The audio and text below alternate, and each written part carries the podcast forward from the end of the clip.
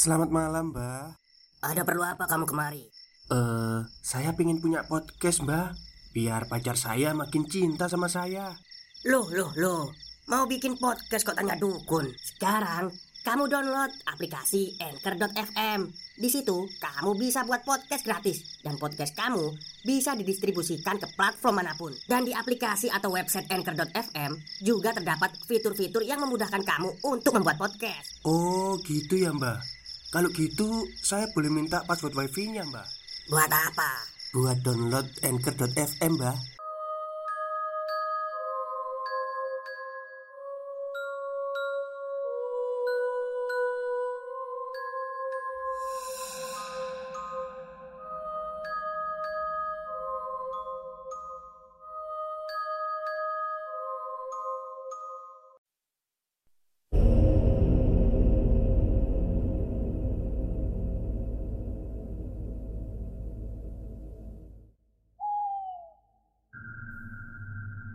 Assalamualaikum warahmatullahi wabarakatuh. Halo semuanya. Jumpa lagi dengan saya Chow Sing Sing Kurator dari podcast Horror Night Story. Halo apa kabar semuanya? Semoga kalian semua baik-baik saja ya. Dan seperti biasanya pada siang hari ini saya kembali Dan akan menghadirkan sebuah kisah mistis untuk kalian semua Kisah mistis kali ini uh, adalah lanjutan yang kemarin ya. Uh, Lelaku yang ditulis oleh Mas Simpleman Dan berdasarkan narasumber yang pernah ditemui oleh Mas Simpleman. Oke, daripada kita berlama-lama Mari kita simak ceritanya.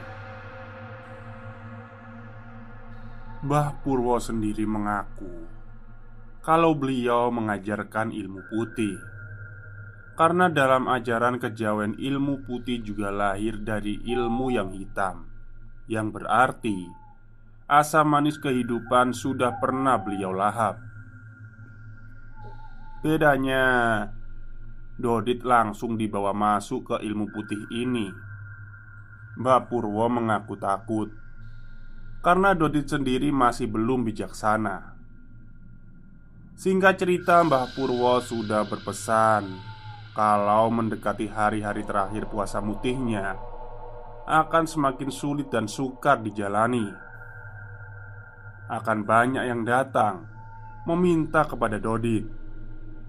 Cuma Dodit saat itu belum mengerti sepenuhnya maksud kata Mbah Purwo.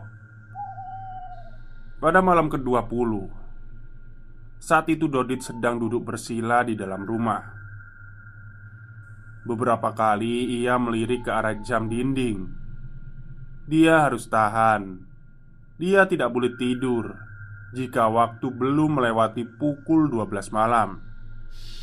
Dan anehnya, saat itu tiba-tiba tubuh Dodit merasakan merinding yang sangat luar biasa. Ia sudah diperingatkan kalau mendekati hari-hari terakhir, para dayoh akan datang mereka ini akan menawarkan banyak hal kepada Dodit, tapi tentu dengan satu imbalan yang berbeda-beda. Di situlah letak apakah Dodit akan bisa menuntaskan puasa mutihnya selama 40 hari.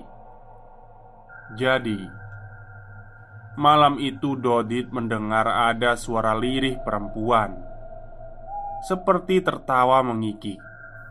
Suaranya lirih dan terasa jauh namun Dodit sebenarnya bisa merasakan kalau Dayoh ini Sebenarnya berada tidak jauh dari dirinya. Dayo itu tamu ya. Masalahnya Dodit tidak bisa melihatnya. Ia hanya baru bisa merasakannya. Jarum jam sudah menunjukkan pukul 11.55 Tinggal 5 menit lagi jadi, meskipun badan terasa dingin dan bulu kuduk terus berdiri, Dodit mencoba untuk tetap kuat. Ia terus menghitung jarum jam yang terus bergerak itu. Tinggal sebentar lagi, tinggal sebentar lagi, katanya dalam hati. Tepat saat jarum jam akhirnya melewati angka 12 Dodit mengamalkan pesan dari Mbah Purwo. Dodit membasuh wajahnya dengan tangan kosong, sembari tetap bersila. Dodit kemudian menatap cermin yang ada di kamar. Sontak ia tersentak saat menyadari kalau dia sejak tadi ternyata dipeluk oleh sosok wanita yang memiliki lidah yang sangat panjang dengan tangan kurus kering yang melingkar di lehernya. Ya, ini adalah kali pertama Dodit melihat Dayoh yang dimaksud oleh Mbak Purwo. Sosok itu menyeringai sembari masih menjulurkan lidahnya yang panjang. Tapi Mbah Purwo sudah memberi wejangan kepada Dodit untuk tidak takut. Karena kalau Dodit takut, puasa mutihnya selama 40 hari akan jadi sia-sia. Karena Dodit tidak ada bedanya dengan orang-orang lain yang ada di sekitarnya. Jadi, sembari menunjukkan wajah yang pucat, Dodit bertanya, "Jenengan sinten?" Kamu siapa? Jadi, sosok itu maksudnya, tapi sosok itu tidak menjawab pertanyaan Dodit.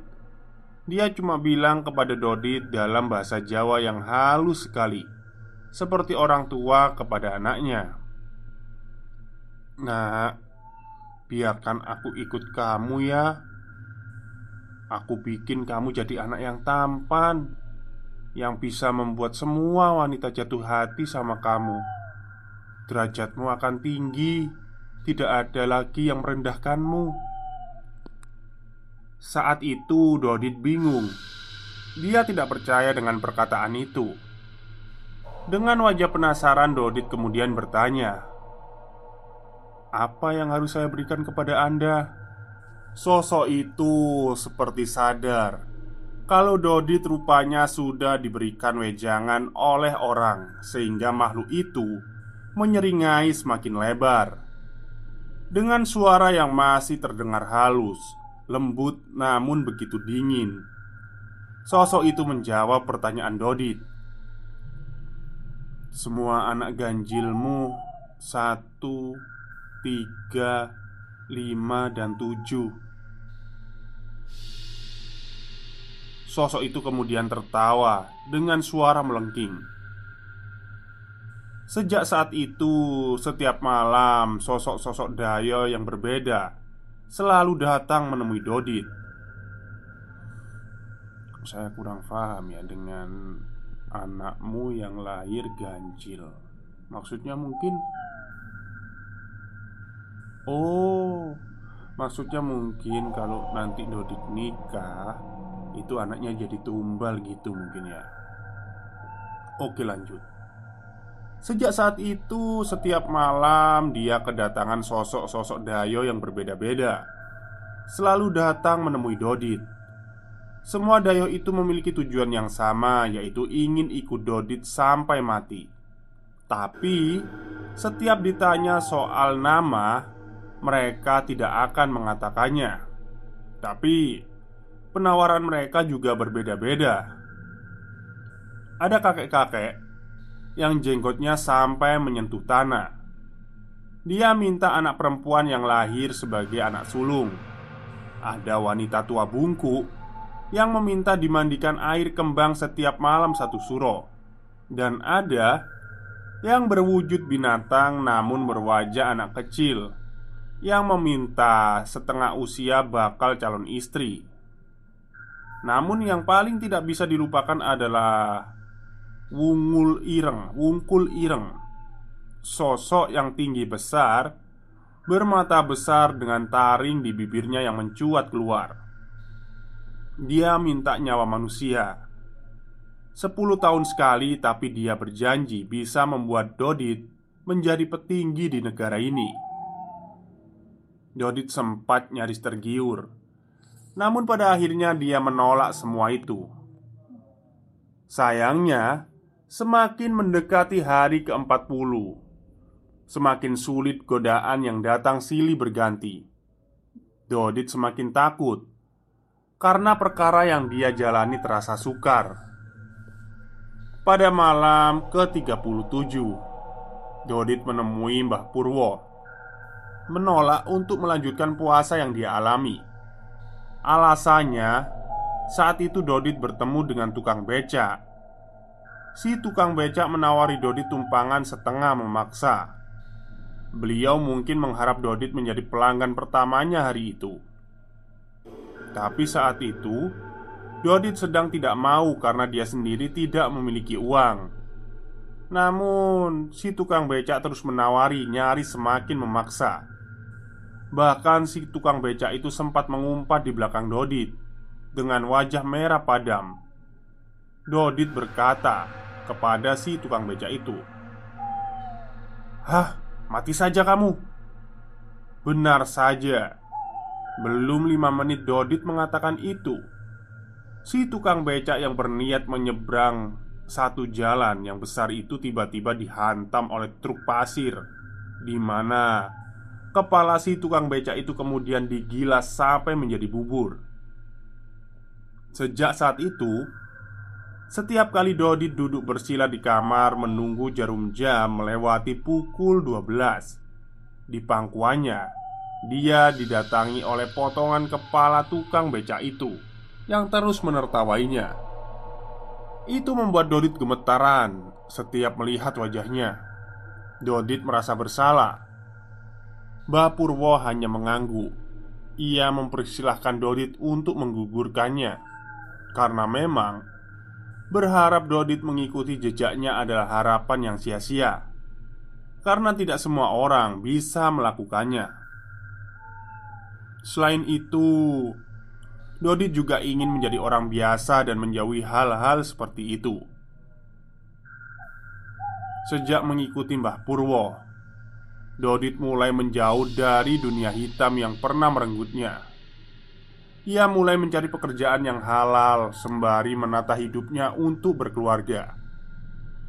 Ia mungkin tidak perlu mengikuti jejak Mbah Purwo untuk menekuni dunia spiritual dan tetap menjadi orang biasa saja Suatu hari, Dori dikenalkan dengan seorang wanita dari kota M oleh kawan baiknya. Saat akan bertamu ke rumahnya, Mbak Purwo sempat memberi nasihat. Bertamu itu nggak mesti minum sama makan. Ditolak juga nggak apa-apa, asal tidak menyakiti. Dodit yang bingung dengan pesan gurunya akhirnya tidak menghiraukan. Ia bertamu, saling bercanda, sampai pada titik orang tua dari wanita itu kenalan kawan Dodit menyajikan minuman dan makanan ringan. Saat itu, si Dodit mencium bau tidak enak yang entah dari mana datangnya. Semakin lama, semakin tidak enak baunya, semakin busuk. Bahkan, mulai menjurus ke aroma yang sangat memuakkan. Si wanita menyuruh Dodit untuk meminum minumannya, tapi Dodit selalu menolak dengan halus. Bahkan untuk mencicipi jajanan pasar pun Dodit juga enggan. Entah kenapa dia merasa aneh saja. Sampai di titik orang tua si wanita ini rupanya mengawasi mereka. Dia kemudian keluar dan meminta Dodit untuk meminum dan memakan makanannya paling tidak mencicipi saja.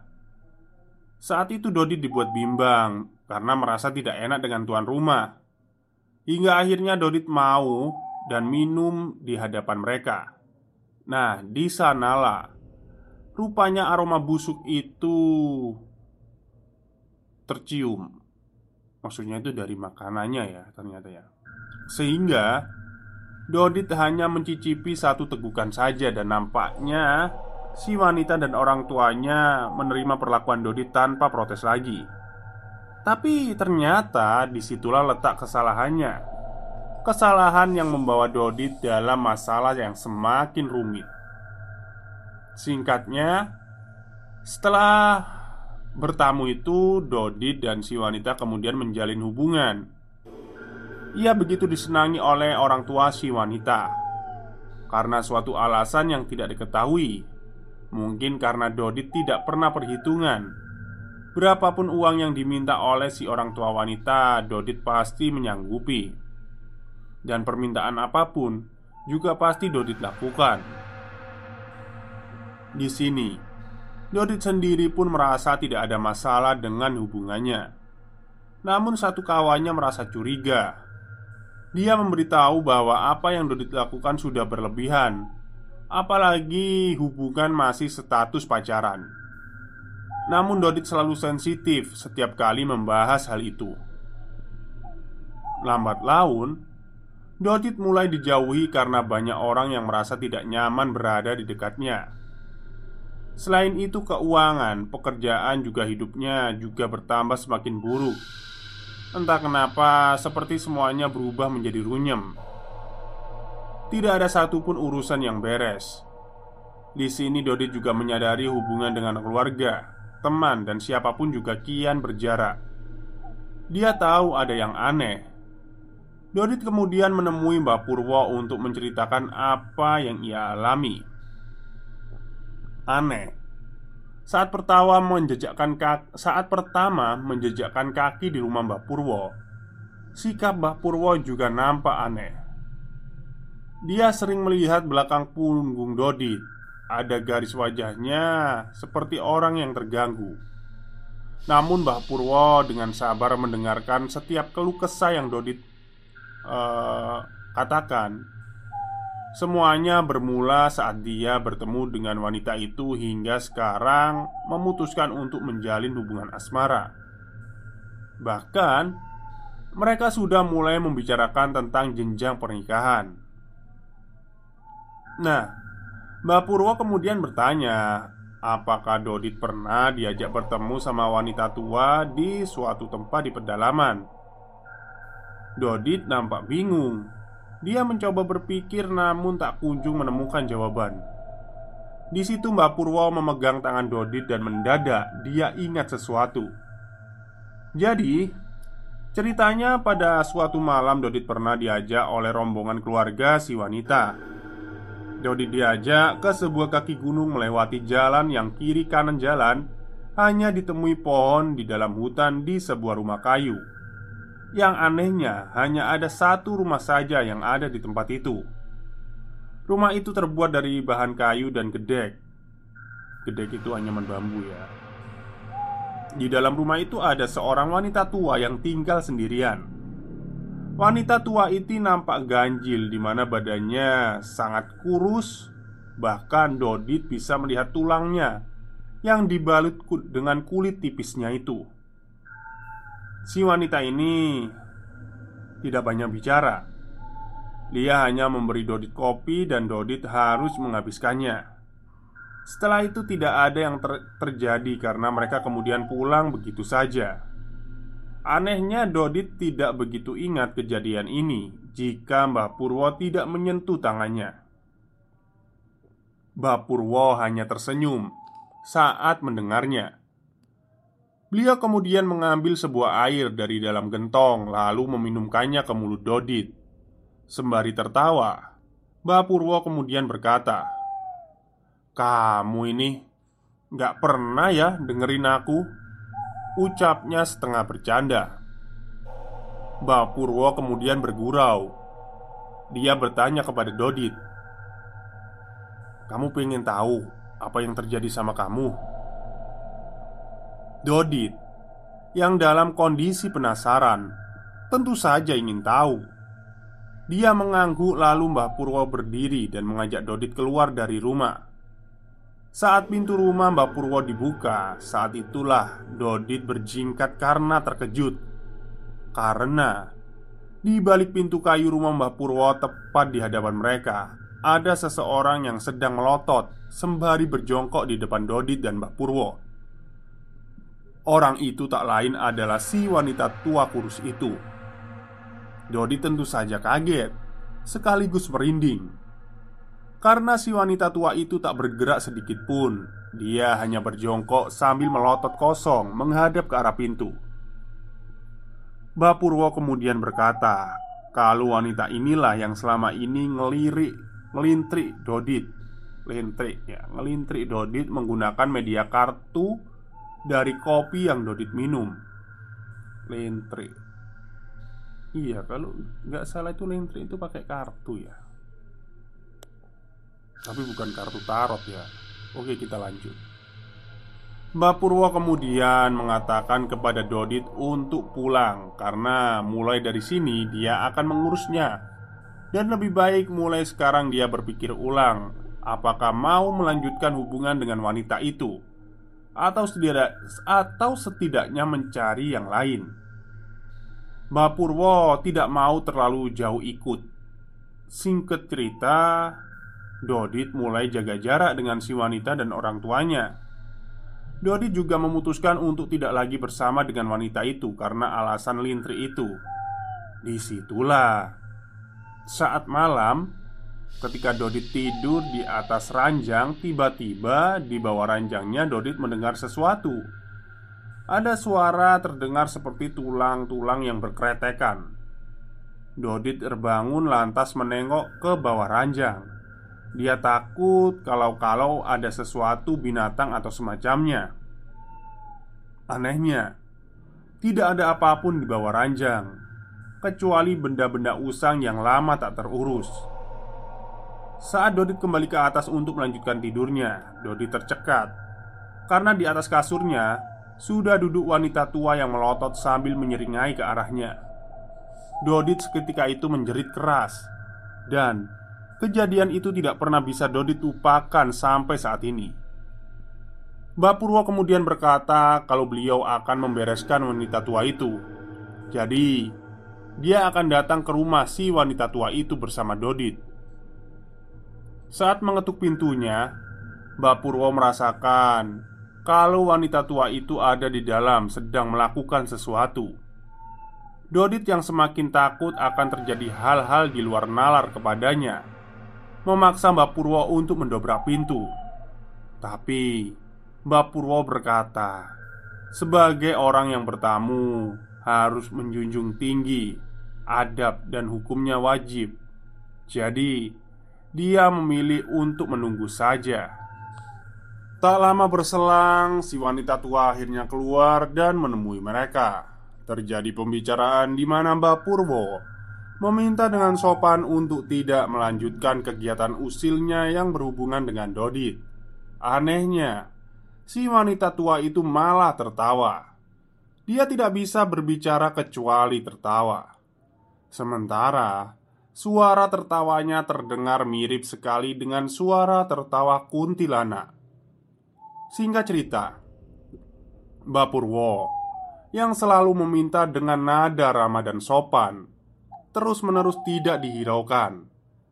Di situlah pertama kalinya Dodit melihat wajah Mbak Purwo yang marah. Mbak Purwo melayangkan ancaman yang baru ini Dodit dengar keluar dari mulut beliau. Stop, stop, kita break sebentar. Jadi, gimana? Kalian pengen punya podcast seperti saya?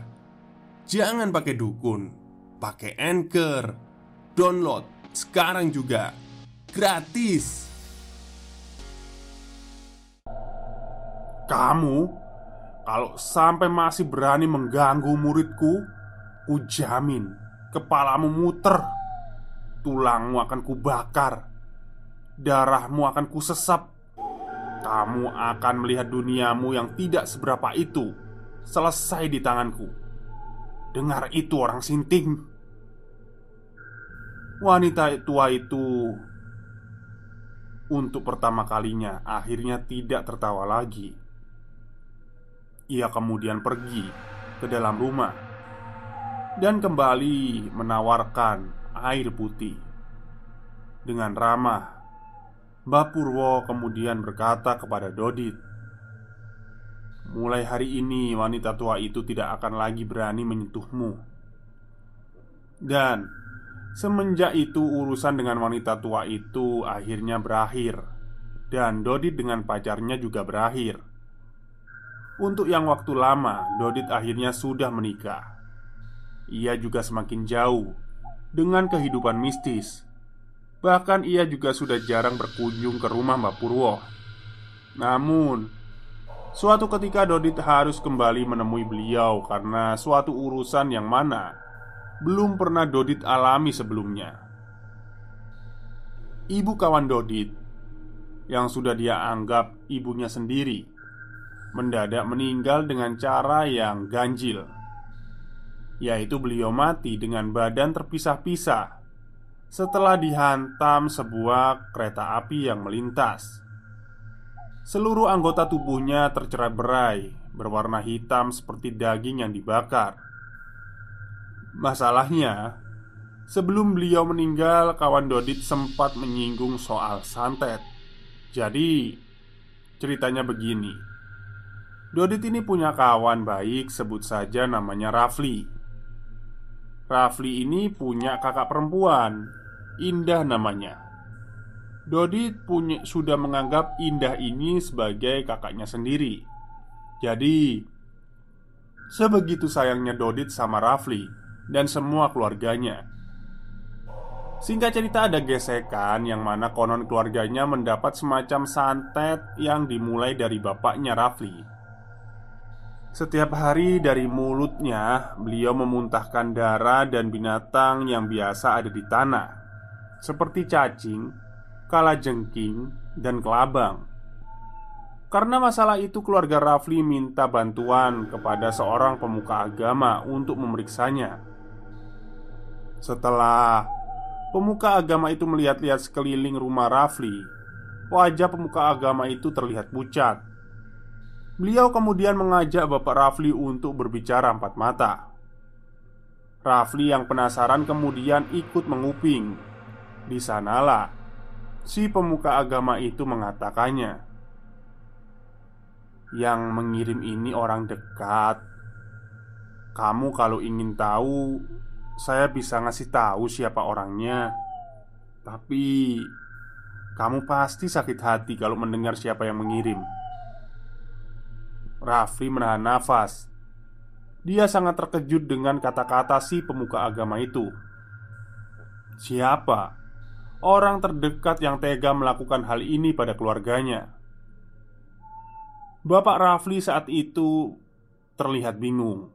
Sebelum dia mau mendengar nama dari pengirim itu, beliau bertanya terlebih dahulu alasan kenapa mereka mengirimi keluarganya dengan hal-hal semacam itu. Dengan muka lesu, si pemuka agama langsung menjawab, "Daganganmu di pasar laris, kan?" Karena laris itu yang membuat orang jadi iri dan ditutupi oleh nafsu setan. Rafli yang menguping, dia penasaran sama siapa pelaku yang ngirim santet ke keluarganya. Yang ngirim itu Huh, kata pemuka agama itu sembari menahan nafas. Adiknya, istrimu sendiri. Rafli tentu saja kaget dong. Tantenya yang selalu menyapa dia saat pergi bekerja Adalah pelaku dari santet ini. Singkat cerita, Bapak Rafli tidak memilih untuk balas dendam Tapi ia juga memilih untuk menyembunyikan Siapa pelaku dari santet yang dikirim Maka Dengan mengikuti nasihat dari pemuka agama itu Mungkin keluarga Rafli bisa menghindari konflik yang berlebih hanya saja, semakin lama semakin parah. Bahkan ibu Rafli sampai tidak bisa bangkit dari ranjangnya, kakinya lumpuh. Rafli masih bimbang bagaimana adiknya ibunya itu bisa setega ini menyerang ibu yang adalah kakak kandungnya sendiri. Bahkan pernah suatu malam, pemuka agama itu datang di tengah badai sambil menutupi kepalanya dengan kain sorban. Dia datang untuk memberitahu bapaknya Rafli Besok anakmu yang perempuan kalau keluar dari rumah ingat harus menggunakan kaki kanan dulu ya Lalu jangan jalan ke arah utara dulu, selatan dulu ya Rafli yang mendengar itu dari ruang tamu nampak bingung Kenapa pemuka agama itu mengatakan hal yang janggal seperti itu Bapak Rafli kemudian melarang Indah kakak Rafli untuk keluar rumah dulu Baik Bapak Rafli sampai ibunya tidak berhenti mengingatkan soal pantangan itu. Rafli sendiri sebenarnya sudah kesal. Kalau dia bisa membalas, pasti akan balas. Singkat cerita, suatu hari saat masa masih genting, Indah keluar karena harus membeli salah satu bumbu. Rafli sendiri waktu itu sedang tidak ada di rumah. Sementara bapak juga sedang bekerja, hanya ibu yang berkali-kali teriak mengingatkan dari dalam kamar karena wanita itu masih belum bisa berdiri apalagi berjalan. Indah sendiri menjawab iya.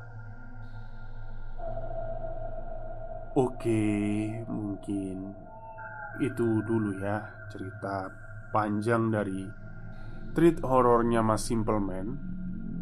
Ternyata harus dibagi menjadi dua bagian ya tidak bisa tiga. Eh e, dibagi menjadi tiga bagian Tidak bisa menjadi dua Karena panjang sekali. Takutnya kalian bosen gitu loh. Baik untuk bagian ketiganya Besok siang Karena nanti malam sepertinya saya uh, Ada acara. Oke mungkin itu saja untuk siang hari ini. Kurang lebihnya saya mohon maaf. Wassalamualaikum warahmatullahi wabarakatuh.